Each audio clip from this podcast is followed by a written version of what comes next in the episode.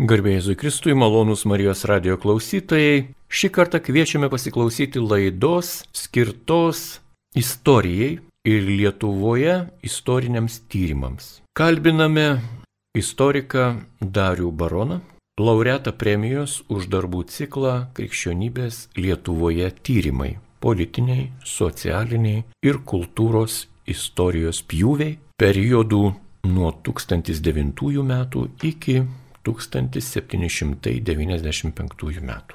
Lietuvos mokslo premijų komisija humanitarinių mokslų srityje humanitarinių mokslų daktarui Lietuvos istorikui Darijui Baronui už darbų ciklą krikščionybės Lietuvoje tyrimai politiniai, socialiniai ir kultūros istorijos pjūviai suteikė solidžią premiją. Sveikiname ir mes Marijos radio klausytojų vardu gerbiamą istoriką ir džiaugiamės, kad tokia tema sulaukė mokslinio įvertinimo. O kaip jūs pats vertinate savo darbą, darbo įvertinimą, premiją, kokia yra jūsų nuomonė? Žinoma, tai toksai yra rimčiausias likščiolinis mano darbų įvertinimas, tai natūralu, kad aš džiaugiuosi, bet stengiuosi nei per daug džiaugtis gavęs, nei per daug liūdėti, jeigu būčiau negavęs. Tai mano tokia laikysena ir aš tiesiog taip džiaugiuosi ir dėkoju tiesiog savo sprendimui nuo gan ankstyvų mano paauglystės metų pasirinkti istoriko gyvenimo kelią, gyvenimo būdą. Na ir tiesiog jaučiuosi kaip nu, nuveikęs tam tikrą savo darbų etapą įveikęs. Na ir toliau, kaip juos palieku kaip ir už nugarį ir judu toliau pirmin. Kas jums šiuose tyrimuose buvo netikėta? Ką naują radote visuose savo tyrimų darbuose? Na, tokie dalykai reikalauja iššaukti savo atmintyje kai kurios dalykus. Man tai pirmiausia buvo, aišku, netikėta, kad kai ką galiu pasakyti apie tuos laikus, apie tas temas, kurios man atrodė studentui būnant, kad jau ganėtinai yra išsemtos. Na, tai visų pirma, man labai patiko tyrinėti ir tiesiog tokia ugnelė teikia dar tie tyrimai mano daryti doktorantūros laikais, skirti trims Vilniaus kankiniams, paskui Vilniaus pranciškonų kankiniams. Labai mane maloniai kaip paradžiugino ta tokia santykinė žinių gausybė liečianti palaimintai Mykolo Gedraitį. Na ir paskui kiti tokie dalykai, kai, sakykime, randi kokį nors šaltinį, nes seniai 600 metų gulėjus ir, ir paskelbė jį. Išskaitai. Džiaugiuosi tokiais smulkiais e, tyrimais, na, kurie truputį meta šviesą, tarkime, į Vilniaus gyventojų religinį gyvenimą 15 amžiuje. Tai labai yra tolimi laikai, nes tų šaltinių yra beveik neišlikę. Ir išgauti iš va tokių nuostrupų to laikotarpio pažvelgti į to meto katalikišką gyvenimą, tai yra iš tikrųjų toksai virpulys. Na ir džiaugiesi, kad išsaugai net mūsų kartos žmonėms šiokį tokį prisiminimą apie tos žmonės, kurie šitoje teritorijoje, Vilnius teritorijoje gyveno, dirbo, meldėsi, statė bažnyčias, jungėsi į brolyjas ir vykdė artimo meilės darbus. Tai aš jaučiu, kad kaip istorikas atiduodu tam tikrą dėkingumo duoklę toms anksčiau gyvenusioms čia kartoms. Na ir tai aš jaučiuosi nu tokį pasitenkinimą tai darydamas ir jeigu darai dar kokybiškai, tai dar toks dvigubas pasitenkinimas. Tai man tokie atrodo netikėtumai, nes iš tikrųjų tų istorijos šaltinių, net iš tų senų laikotarpių, kalbu apie 15-16 amžių, na yra daugiau, ne viskas yra paskelbta knygose, ne, tam tikri dalykai tebe glūdi ir sunkiai prieinamuose rankraščiuose, ne vien fizinė prasme sunkiai prieinamuose, bet sunkiai išskaitomuose rankraščiuose ir Yra keletas Lietuvo istorikų, galime to pasidžiaugti. Mano artimas kolega Stevenas Rauvilas, sakykime, Petrauskas, Dubonis, tame tarpe Klaipėda keletas žmonių, kurie gali tuos tokius tyrimus vykdyti ir šioje srityje, tokia medivistinių tyrimų srityje, atstovauti Lietuvos istorijos mokslą. Tikriausiai krikščionybės istorijos tyrimai naudingi tam, kad ir suprastume dabartinę savo esatį, dabartį. Na, iš tikrųjų, visada aš ten taip eksplicitiškai apie tokius dalykus nekalbu, kaip čia būtų naudinga, kaip čia būtų vertinga tyrinėti krikščionybės istoriją Lietuvoje, bet visada man pačiam toksai kyla mintis, kad ir pats turi sustiprinti savo tokį civilizacinį samoningumą. Galbūt tai padeda ir kitiems mano tautiečiams įgyti tokį stipresnį, solidesnį tiek civilizacinį, tiek tautinį samoningumą. Ir manau, kad tai ypač naudinga šiais laikais, kai vis dėlto yra tam tikra nesunkiai pastebima sumaištis įvairių žmonių įvairiose galvose. Ir tie dalykai, kurie yra išbandyti, patikrinti ir veikiantis ir naudą duodantis per šimtus metų, man atrodo, jie aktualumo nepraranda ir šiais laikais. O be abejo, mes iš tam tikros subspecijai eternitatis, labai jau čia latiniškai kalbant, iš amžinybės perspektyvos, galime, manau, adekvačiai vertinti kai kuriuos ir šių dienų reiškinius. Tai duoda toks istorinis pažinimas gilį tavo žvilgsniui, Na ir iš tikrųjų sąmoningam apsisprendimui vieno ar, ar kitų klausimų. Kokie mes norime būti katalikai, kokie mes norime būti krikščionis, ar mes norime nežinia kur prasimekti ir ar išlikti turime valios ir panašiai. Tai tie dalykai, kaip atrodo, vat, aš pabrėžiu, tas civilizacinis samoningumas tokiai nedideliai tautai kaip mūsų, tai yra, yra būtinas. Turime imti pavyzdį iš kitų pavyzdžių, iš, kurių toli ieškoti net nereikia. Paimkime šiuo metu klesinčią Lenkų tautą, na, pakalbėkime Prisiminkime bent jau apie nuo senų senovės gyvenančias tokias tautas kaip gruzinus, armenus, kurie priešų apgultyje amžių amžius turėjo gyventi, bet 2000 metų turi tą pačią, tą krikščionišką tradiciją, kurie puikiai dera ir, ir krikščionybė, ir, ir ta etninė jų, jų kultūra. Tai lietuviams iš to mokytis, mokytis ir iš paskutinių reikia kabintis į vakarų krikščioniškosios civilizacijos pamatus, pagrindus ir pagrindinius vedamuosius principus. Tai mano toks yra įsitikinimas, aš jo niekur neeksplikuoju, neprimetinėjau, bet manau, kad e, tiek mano, tiek kitų kolegų darbai, kurie tyrė bažnyčios istoriją Lietuvoje, na, tą prisideda, nes mes galbūt daugiausia rašome mokslininkai mokslininkams, bet iš tikrųjų aš manau, kad tie darbai yra parašyti prieinamą kalbą tiek mokytojams, tiek gydams, tiek e, istoriją besidominčiam jaunimui. Na ir iš to gali, aišku, būti platesnis poveikis visuomeninis. Ir aš manau, tai paprastai sakant, gerai atliekantis istorikas savo amato darbą geriausiai ir pasitarnauja tai pačiai visuomeniai. Kartais žiniasklaidoje ir kur kitur girdime krikščionių arba krikščionybės kritikus. Jie sako, kad ši religija buvo atnešta politiniais motyvais, o dargi ir jėga. Bet tikriausiai buvo ir tokių motyvų. Šią religiją Lietuvoje priėmė ir prigijo mūsų krašte dėl kitų motyvų. Kokia yra istorikų išvalga šiuo klausimu? Čia vėlgi jūsų klausimas yra padiktuotas mūsų gyvenamo meto tam tikrų aktualijų, Tai čia yra akivaizdu, nes dabar yra labai populiaru. Labai populiaru tam tikrose garsiai rėkiančiose sluoksniuose, na, kaltinti krikščionybę dėl visų įmanomų kalčių. Kas kada nors buvo ten tikrai ir menamai užgautas. Kas kokią nors sąskaitą turi, tai turi bėgti, trimituoti, rėkti. Na, tai iš tikrųjų yra toksai ideologizuotai angažuotas požiūris, na, kuris mane gal jau nebe tiek stebina, kiek man stebina jo toksai atkaklumas. Tai kol tie žmonės pasitirinėja, kaip gyvavo apskritai arhainis pasaulis nuo seniausio antikos laikų iki pat apšvietos laikotarpio, tai jie pamatys, kad kaip krikščionis elgesi, tai labai panašiai elgesi ir musulmonai, ir pagonis, ir, ir daugelis to meto arhainių mentalitetų pasižymėjusių tautų. Tai krikščionių šiuo požiūriu niekuo nėra išskirtiniai. Tačiau jiems vieninteliams yra nuolat prikaišomi visokie įmanomi ir neįmanomi ten kaltinimai. Kažkodėl tai apie kitus, ten musulmonus, kurie iš esmės netgi ir dabar nėra labai jau ten daug pakitę, kas liečia jų karingumą ir pasiryžimą ginklų platinti savo tikėjimą. Tai jiems jokių sąskaitų nėra teikiama, nes aišku, jų bijoma, nes jie gali įsižeisti, o jeigu įsižeis, tai gali ką nors padaryti. Bet kadangi krikščionys dabar yra tokie minkšti ir pacifistai, tai ant jų galima visus įmanomus šunys kabinti. Ir tie žmonės, tokių kaip sakykime, tokia situacija naudojasi ir savo tokią antikrikščioniškąją dvasę skleidžia. Na, o kalbate apie istorikus, na tai turbūt ir istorikai jie turi įvairių požiūrių. Sovietiniais laikais vienaip žiūrėjo, romantiškai angažuoti istorikai kitaip žiūrėjo. Jiems įsivaizdavo ir dabar turbūt dalis žmonių įsivaizduoja, kad krikščionis sunaikino nepaprastai ten didingą senovės baltų kultūrą. Na bet jūs patirinėkite antikinio pasaulio pagonybę. Airių pagonybę, keltų pagonybę, pažiūrėkite, kiek ten yra išlikę paminklų, rašytinių paminklų, epų, pasakojimų senovinių, mitų užrašytų Nieko panašaus neturime lietuvių atveju ir niekas čia nebūtų naikinęs, ką airių pagonybės mitų elementų niekas nesunaikinė pusantro tūkstančio metų, kai šalis yra krikščioniška nuo, nuo, nuo penkto amžiaus, nuo švento Patriko laikų. Tai nereikia tokių, kaip sakykime, miglų pūsti žmonėms į akis. O kitas dalykas, mane irgi, sakykime, aš užaugau, dar sovietinę mokyklą lankiau, o taip pat, kai domėjausi apskritai, kai žmogus esi jaunas ir gyveni savotiškam tokiam informacinėme vakume, tai aišku, priemė kokius nors saugusių įrašytus tekstus, nekritiškai galvo, kad tikrai tie kryžiuočiai čia daug žalos padarė. Tikrai čia tie veržėsi krikščionys. Ir man, aišku, visada buvo toks fonė įtarimas. Ne, o kaip buvo iš tikrųjų, kaip buvo iš tikrųjų. Tiesiog pradėjau domėtis platesnių kontekstų, pamačiau, kad čia nėra kažkoks išskirtinis dalykas. Tie patys pagonys lietuviai tai nebuvo pukuoti ir minkšti sutvėrimai, kurie gyveno panirę į, į kažkokią tai neveiklumo ir pasitenkinimo savimi nirvaną. E, kitas dalykas, e, pastebėjau taip pat, kad kad visą laiką, nepaisant tų vykusių tarp senovės lietuvių ir kryžiuočių karų, taip pat visą laiką galime fiksuoti veikus taikių krikščioniškų misijų srovę.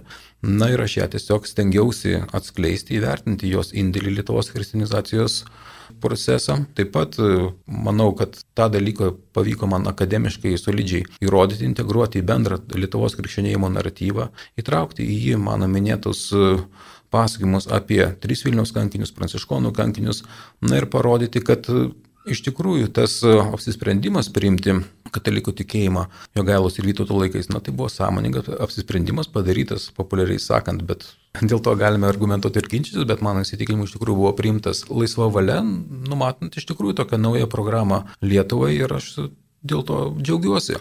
O galėjo vienaip, galėjo kitaip įvykti, na, tai čia vėlgi tokie, tokios yra spekulacijos ir mane kaip istoriką labiausiai domina patirti, papraeitis, kaip įvyko, kiek į mums yra prasminga šiai dienai ir kokias į pamokas teikia dabarčiai. Nu, ir tas suvokimas krypties gali tiesiog mums patiems, aš tikiu, tiem žmonėm, kas, kam tie dalykai rūpi, jausti, kur turėtumėm eiti, kaip turėtumėm elgtis ir kaip kovoti dėl savo vietos pasaulyje šiame pasaulyje. Jūsų paminėtas taikusis krikščionybės kelias į Lietuvą be galo naujai suskambėjo. Gal galėtumėte pateikti daugiau pavyzdžių? Čia turbūt ne vien tik šventasis Vaitiekus ar ir panašiai. Na taip, aš, kaip jūs pacitavote, apimu tokį senosios Lietuvos laikotarpį nuo Švento Bruno Akverfurtiečio laikų iki pat Lietuvos didžiosios kunigaikštystės sužlugdymo 1795 metais, nes aš tuos rėmus laikau ne aš vienas, bet ir kiti istorikai, sakykime, tas pats Bumlauskas, kad senosios Lietuvos epocha yra beveik vat, 700 metų trukmės laikotarpį, daugiau kaip 700 metų trukmės laikotarpis. Na ir iš tikrųjų čia galima sakyti, kad tos misijos visų pirma, pirma pranciškonų misijos.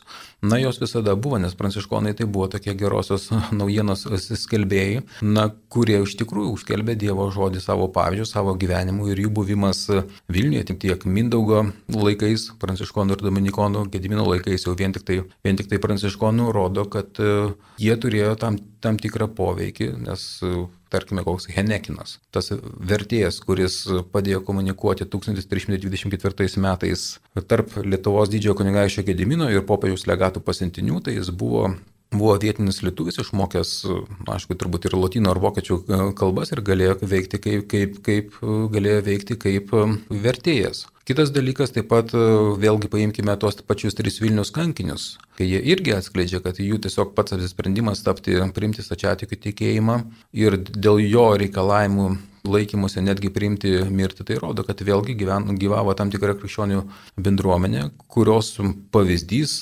traukia vietinius žmonės ir dalis, aišku, lietuvių tapo stačiatikiais krikščionimis netgi ir esant pagoniškajam Lietuvos didžiųjų kunigaikščių režimui. Na tai to, tokie pavyzdžiai aš manau, kad rodo, kad lietuviai taip pat irgi buvo kai kurie nusiteikę priimti tą krikščionišką gerą naujieną, nors gyveno tokiamis, na, ypatingai nepalankimis sąlygomis, kai iš vienos pusės nebuvo daug tų misionierių kalbančių lietuviškai, o iš kitos pusės, aišku, vyko karas su kryžiuočiais, iš kitos pusės buvo ir pagonių, kurie, kurie visai gerai jautėsi pagonimis, na ir ko gero ne visada buvo ypatingai draugiškai nusiteikę krikščionių atžvilgių, jeigu pastarėjai, tarkime, kaip kai kurie misionieriai entuziastai peržengdavo, na, tokias nematomas, bet e, vis dėlto realias raudonasias linijas, ką liūdytų pranciškonų kankinių istorija, kai apie 1369 metus visas jų nedidelis konventas, ten penki broliai gyvenę buvo su, su, sugriautas, o visi jo įnamiai nu, išžudyti. Krikščionybė, kaip įveikia kultūrą per jūsų tyriamąjį laikotarpį. Jau minėjote, ką dar turėtume žinoti ir kas yra tarp paraščių likę dėl įvairių Lietuvos istorijos peripetijų ir taip toliau keitėsi ideologiniai požiūriai į pačią istorijos doktriną. Ką esame užmiršę ypatingai svarbaus iš to laikotarpio? Na čia vėlgi sunku taip vienareišmiškai atsakyti, kaip, kaip veikia kultūra, politinė tikrovė. Aš manau, kad um, su krikščionybės katalikybės formoje prieimimu, na, lietuviams tavo atvira proga tapti viena iš Europos uh, krikščioniškos šeimos narių vienais iš krikščioniškos Europos šeimų narių. Čia paprastai mes galbūt per mažai mąstome. Aš irgi, tarkime, vykdau kokius tyrimus, tai aš koncentruojuosi į labai konkrečius klausimus ir bandau viską paremti aš šaltinis, kaip minėjau. Bet apie tuos dalykus, kaip jūsų klausimai rūpi, yra poreikis turbūt plačiau diskutuoti ne vien istorikams, galbūt ir filosofams, teologams, kultūros istorikams, na, kad tuos dalykus mes geriau reflektuotume. Tai vienas dalykas, kurį, man atrodo, mes esame kaip, kaip ir pamiršę, nes man atrodo, tai savaime suprantama, na, buvo ir tiesiog tokie programiniai apsisprendimai, programinės nuostatos, kurias galima išskaityti tokiuose fundamentaliuose dokumentuose kaip e, karaliaus Jogailos privilegijos 1367 metų, kurios buvo teikiamos paskelbtos e, Lietuvos e, krikšto proga. Na tai ten matome, tarkime, pirmą kartą aiškiai išskleista krikščioniško valdovo samprata. Ką jį mums reiškia krikščioniško valdovo samprata? Daug apie tai esame diskutavę, ar nedaug esame diskutavę. Na tai vėlgi rodo, kad ateina toksai režimas, tokie žmonės stoja, na, kurie tarkime, pradeda vykdyti morališkai, moraliai atsakingos politikos, kurie pradeda vykdyti moraliai atsakingą politiką. Na ir tą matome, kad čia jo, jo gaila nieko neišskirtinis, tai tuo turime džiaugtis, kad jis įsipaišo į visą plejadą krikščioniškosios Europos karalių, na, kurių tiesiog didžiausia pareiga buvo dėkti žemėje Dievui patinkančią tvarką.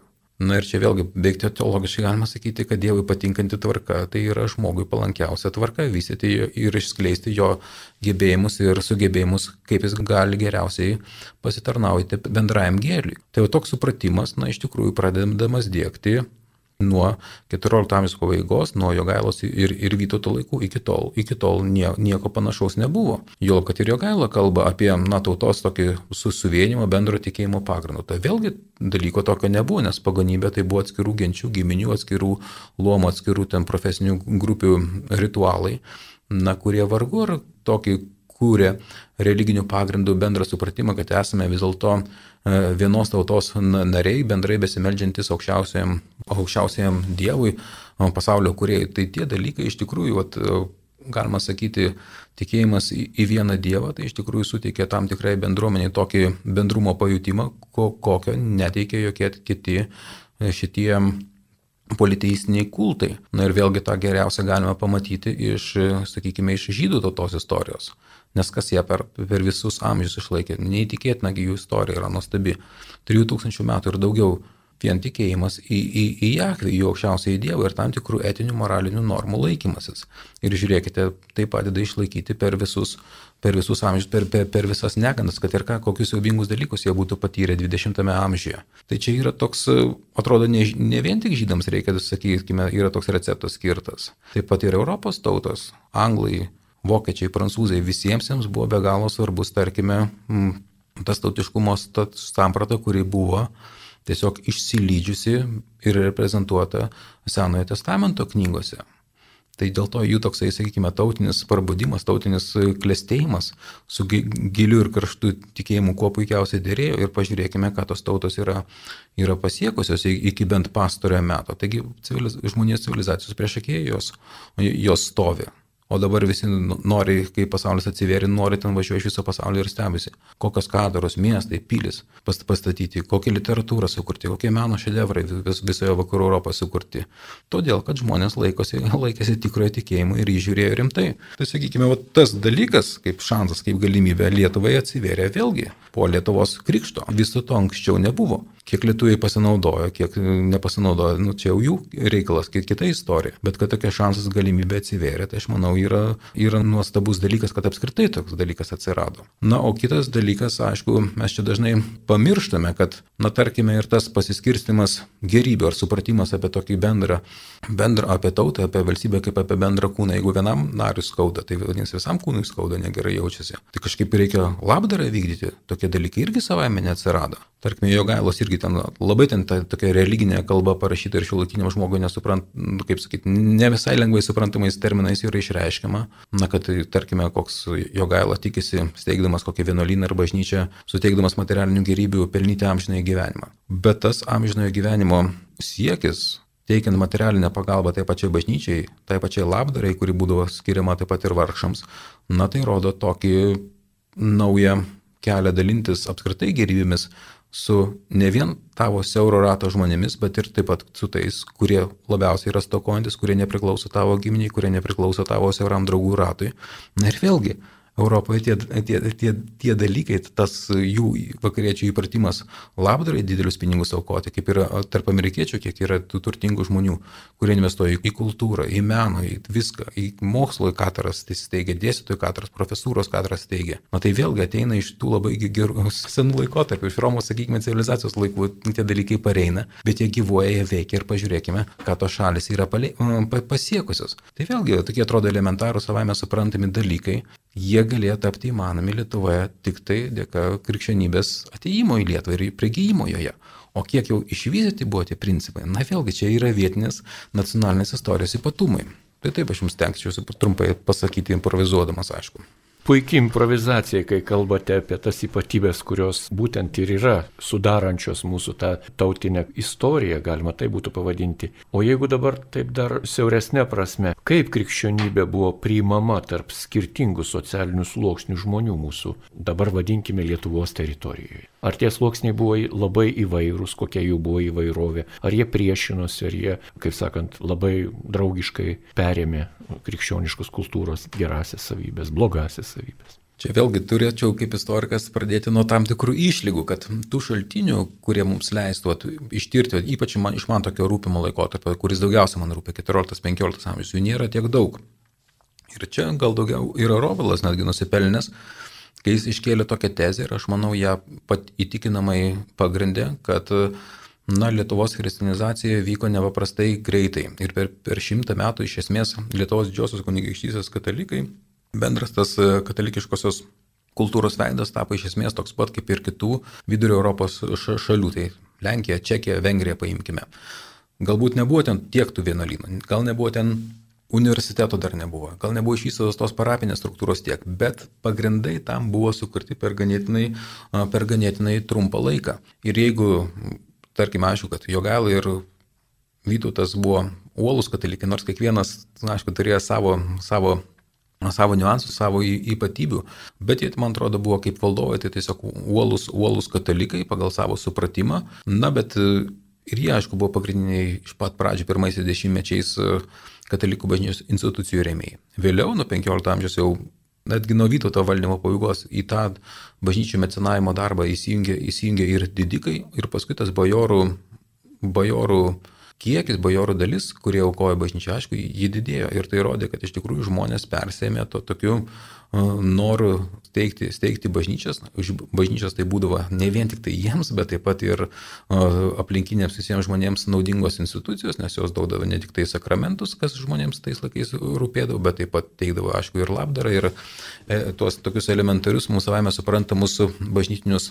bažnytinius patarnavimus. E, kitas dalykas, kuris mane patį labai, kaip sakykime, domino, bet jis yra sunkiai apčiuopiamas, yra valstiečių religingumas. Nes aišku, tas toksai yra įvaizdis, kad 16-17 amžiuje dar jie skendėjo pagonybės tokiuose, pagonybės gniauštuose, bet vėlgi čia gali būti, kad daugiausia toks įvaizdis yra suformuotas per daug uolių protestantų, kurie tiesiog norėjo parodyti, kad e, tas 200 metų vykęs Lietuvos krikščioninimo darbas senųjų, senųjų katalikų yra nevertingas, jie nieko gero nepadarė, kaip, kaip pagonis buvo, taip ir buvo. Tai mes čia dabar tikrieji krikščionys ateinam, tai va atverčiam tą iki šiol iš esmės jų akimi žiūrint pagonišką kraštą į tikrąją krikščionybę. Bet vėlgi čia reikia suprasti, kad jie turėjo savo dienotvarkę ir būtent tam tikrą tikrovės perteikimo būdą, kuris atsispindi jų veiklose, kur godžiai ir noriai ten buvo fiksuojami kiekvieni, kiekvienas pagonybės likutis, skeveldra ir išpučia kaip, kaip mūsų išpučiama iki dramblio. Bet kitas dalykas rodo, kai tu supranti tą perspektyvą, na, kad, tarkime, krikščioniški laidimo papračiai, na, gan greitai, gan greitai jie, jie išplito. Ne visur, bet gan greitai, kokiuose obeliuose, aišku, ten pakraščiuose Lietuvos kokie seniai laidimo papračiai gyvavo ilgiau, bet kur tik buvo bažnyčia, ten, aišku, nusistovėdavo tam tikras krikščioniškas įprastinis gyvenimo būdas, su sekmanio šventimu, su, su krikštu, su, su, su, su, su, su vestuvėmis, su, po truputį, po truputį tai ilgainiui reikėjo. Kitas dalykas, kuris man atrodo jau yra akivaizdžiai fiksuojamas e, iš, iš 15 amžiaus vidurio dokumentų yra tai, kad Lietuvoje pradeda kurtis tokios, na, parapinės bendruomenės. Tai yra mūsųse, nu, nepakankamai, man atrodo, įvertintas dalykas, nes dabar, man atrodo, tas parapinis gyvenimas yra toksai kaip nu, neligų parapė, tiesą sakant. Bet palyginti, man atrodo, su senaisiais laikais, o ypač su Anglija, kuri yra žymiai geriau ištirta, kas liečia 14, 15, 16 amžių, tai rodo, kad žmonės, tarkime, toje pačioje Anglijoje, tą bendruomeniškumo parapijos labai intimiai išgyvendavo ir labai aktyviai išgyvendavo, nes jie jausdavo, kad kaimynui gerą padarys darbą. Tai kartų kartus jį, jį, jį prisimins pamaldose už mirusiuosius. Na ir vėlgi tas toksai uh, sąsojų tarp gyvųjų pasaulio ir mirusiųjų tiltų tiesimas. Na tai vėlgi yra tas tikras krikščionybės, yra krikščionybės dovana, na, kuri susiję to žmonės. Ir žiūrėkit, pas mus tie papročiai vis tiek yra. Žmonės nori prisiminę savo mirusiuosius, vis tiek tiki, kad yra kažkoks ryšys tarp ką tik iškeliavusių žmonių ar net ir seniai iškeliavusių žmonių ir čia mūsų žemėje likusių. Tai aš manau, kad valstiečiam to, to, tokie dalykai turėjo būti kažką sakantis, jie turėjo būti prasmingi, bylojantis į juos. Ir, ir Lietuvoje pavyzdžių, kaip aš truputį jau grįžtu prie tų minėtų, kad 15 amžiaus vidurio dokumentai rodo, na, kad žmonės iš tikrųjų turėjo tam tikrą pajūtimą sakralumo, kuris tose pačiose bažnyčiose būdavo. Na ir jį ypatingai saugodavo. Jeigu kas ten bandydavo tą bažnyčią ten apiplėšti ar ką, tai jie audringai reaguodavo, saugodavo, nes tai jausdavo, kad tai yra daroma, kaip sakykime, nusikaltimas prieš Dievą. Stengdavosi į tai, į tai reaguoti. Iš kitos pusės, aišku, tokie ekscesai, jie dėl to ir išliko, kad jie šaltiniuose buvo užrašyti. Rodo, kad iš tikrųjų žmonės turėjo tam tikrą supratimą, kad tai yra šventa ypatinga vieta, kad kunigai yra ypatingai, ypatingi šventi žmonės, na, kurie duoda tuos sakramentus, kurie užtikrina amžinai gyvenimą. Tai aš manau, kad net iki valstiečių tie dalykai nusileisdavo. O kad valstiečiai ten iki pat 20 amžiaus pradžios, net kartais iki 20 amžiaus antros pusės išlaikydavo tas gražias liaudiškas dainas, na tai, tai viskas normalu ir natūralu. Net ir kai kurie tyrinėtojai, kurie, sakykime, krikščionybėje, katalikybėje jokio ten sentimentų nejaučia, bet pastebi, kad katalikiškose kraštuose, to, toje pačioje Lietuvoje, tie liaudiški papročiai, liaudiškos dainos, liaudis kultūra yra išlikusi žymiai geriau negu protestantiškose kraštuose, kur kova su pagonybės, taip vadinamis, liekanomis buvo vedama kur kas nuožmiau ir tas toks liaudės kultūros pavaldas yra nustekentas kur kas labiau. Tai čia vat, iš tikrųjų nereikėtų prieš priešinti tos liaudės kultūros, žemdirbių kultūros sluoksnio su, su katalikiškuoju, su krikščioniškos kultūros sluoksniu. Jie gali puikiai, puikiai dėrėti net ir šiais laikais, jeigu dar tam liaudės kultūra rūpi. Malonus Marijos radio klausytojai, šiandien su jumis bendrauja istorikas Darius Baronas ir kalbame apie krikščionybės Lietuvoje tyrimus. Jo brandų darbą, kuris buvo įvertintas Lietuvos mokslo premijų komisijos premija.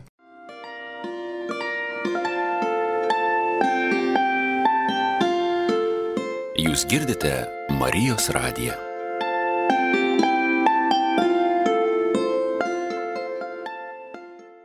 Taigi, tęsiam laidą.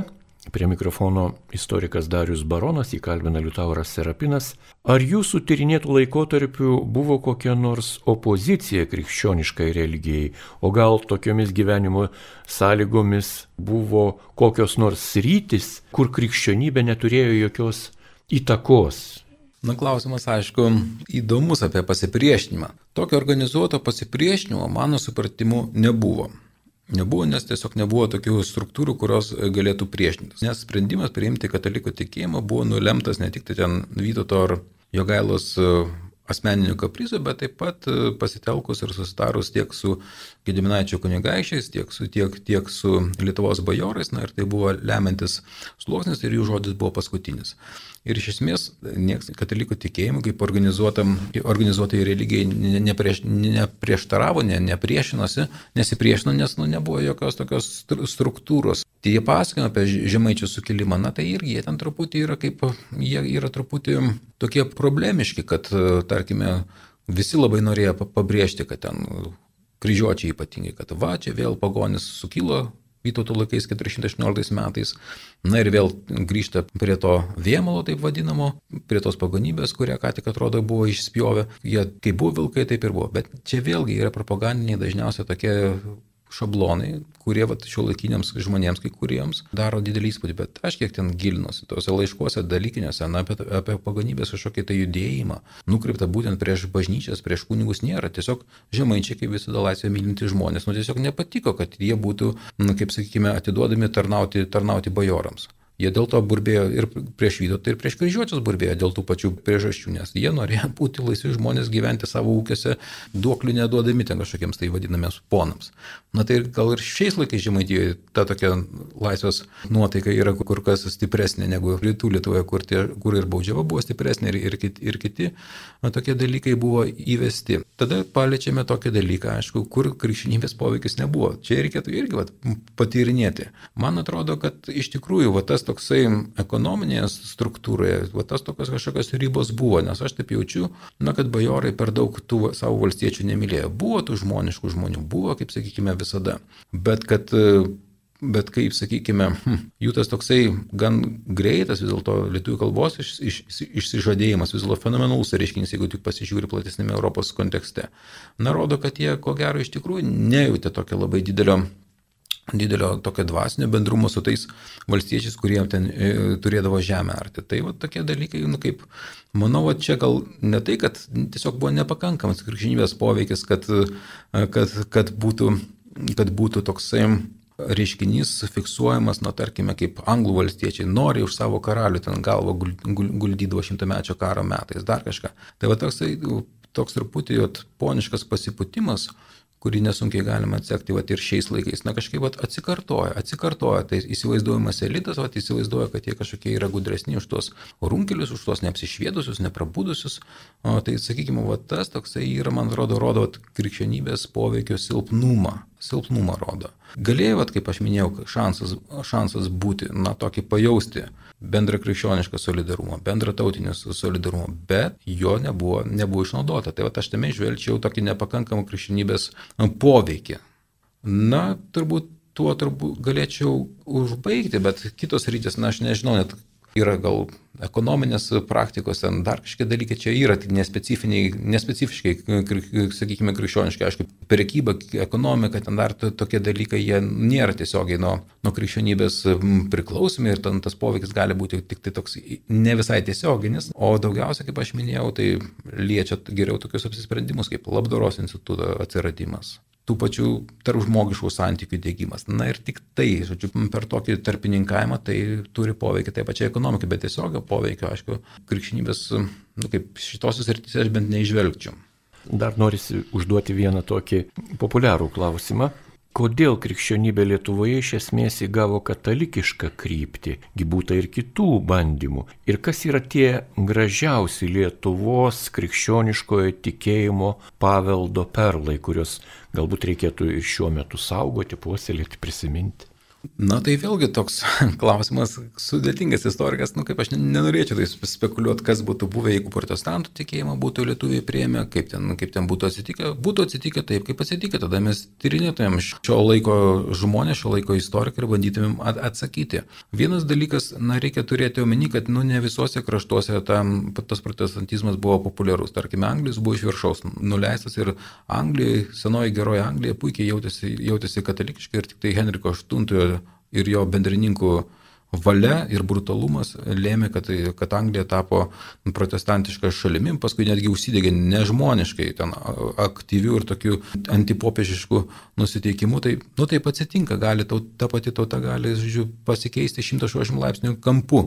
O lietuviai, kodėl liko tokie, man atrodo, kad iš esmės daugumai žmonių tuos dvasinius poreikius patenkindavo katalikybė, bet to mūsų Valdovai tiek Žygimantas Senasis, tiek Žygimantas Augustas laikėsi senos geros e, krikščionybės versijos. Na ir kadangi vėlgi tas protestantizmas tai buvo toksai judėjimas, kuris kilo į labai daug krypčių, srovių, na ir tai buvo jo toksai silpnumas, na ir paskui, aišku, jezuitai, kai atėjo ten gerai, gerai, pasikaustė, tai gan nesunkiai įveikė vis dėlto, galima sakyti, nesunkiai įveikė protestantišką į sąjūdį, na ir Lietuva liko katalikiškos oikumenos dalimi.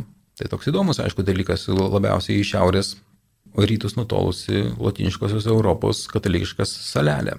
O kokie perlai, na tai jų yra daug, čia daugiau menotrininkai galėtų pasakyti, architektūros istorikai, tai aš manau, kad, na aišku, iš to seno laikotarpio tai ypač reikia puoselėti, bet jie ir gerai yra puoselėma, čia jokių priekaištų negalima sakyti Švento Mikalaus bažnytėlė, taip, Vilniuje. Tai yra seniausia bažnyčia, gerai išlikusi nuo 14 amžiaus pabaigos, 16 amžiaus. Kitas dalykas, aišku, tie šedevrai, ar Aronos bažnyčia, ar Petro Povilo bažnyčia, ar Pažaislio vienuolynas, ar Tito vienuolynas, visas, visas tas barokiškos Lietuvos paveldas tai yra nepaprastai vertingas, nepaprastai vertingi perlai, na, kurios yra tiesiog, nu nežinau, pareiga, garbės reikalas. Garbės reikalas saugoti, puoselėti, na ir rodyti ir tam tikrą pagarbą ir dėkingumą tiems e, žmonėms, kurie ją statė, puoselėjo Dievo garbiai, juk surinti ne šiaip savo. Na ir mums patiems tai yra tiesiog atgaivos ir malonės tokie uostai. Tai aš manau, kad tuos dalykus be galo svarbu saugoti. Ir laidos pabaigai. Ar galima sakyti, kad krikščionybės pasirinkimas padėjo Lietuvai išlikti kaip valstybei iki šioliai? Na, toks klausimas, aišku, taip suformuoluoti, kad gali tik tai teigiamas atsakymas būti, nes iš tikrųjų reikia pasakyti, kad čia daugiausiai nusipelnė Valančius, turbūt, kuris atgyvino tą katalikišką dvasę lietuvių tarpę ir čia juk profesorius Jokubaitis daugiausiai nusipelnęs išryškinant jo vaidmenį, nes jis kaip žemaičių viskupija buvo tam tikra ne tai, kad Lietuvos didžiosios kunigaikštės inkarnacija, bet kaip būsimos tautinės Lietuvos brandolys, sėkla, iš kurios iš, išaugo šiuolaikinė moderni Lietuvos valstybė. Ir aš manau, kad tas krikščionybės, kaip minėjau, prieimimas mūsų būtent regione Europoje, negyvenamgi kažkur Australijoje, netolimuosiuose rytuose, bet būtent šiame civilizacinėme lauke, tai aišku, kad teikia civilizacinį kodą, kuris užtikrina ilgamžiškumą tam tikros visuomenės tautos. Tai jis nėra savaime garantija. Jeigu tu jo nesilaikai, tu gali jo atsisakyti, tu gali apsispręsti būti kažkuo kitur, visai gali iš, išnykti, gali nuo skardžių nušokti. Nu, tai čia tavo apsisprendimo reikalas. Bet jeigu tauta nori gyventi, gyvuoti ir klestėti, na tai turi orientuotis į tuos dalykus, kurie yra kurie yra amžių patikrinti. Ir vienas iš tų dalykų, aišku, yra meilė Dievui ir artimui, na tai iš tikrųjų kūrė tokį bendrumą tarp, tarp tos pačios tautos žmonių, kurios akivaizdoje jokie tokie pavojai nėra baisus, kai žmonės pasitikė Dievu ir kai atitinkamai elgesi.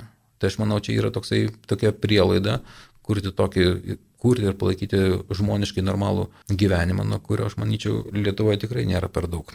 Dėkojame Jums už pasakojimą.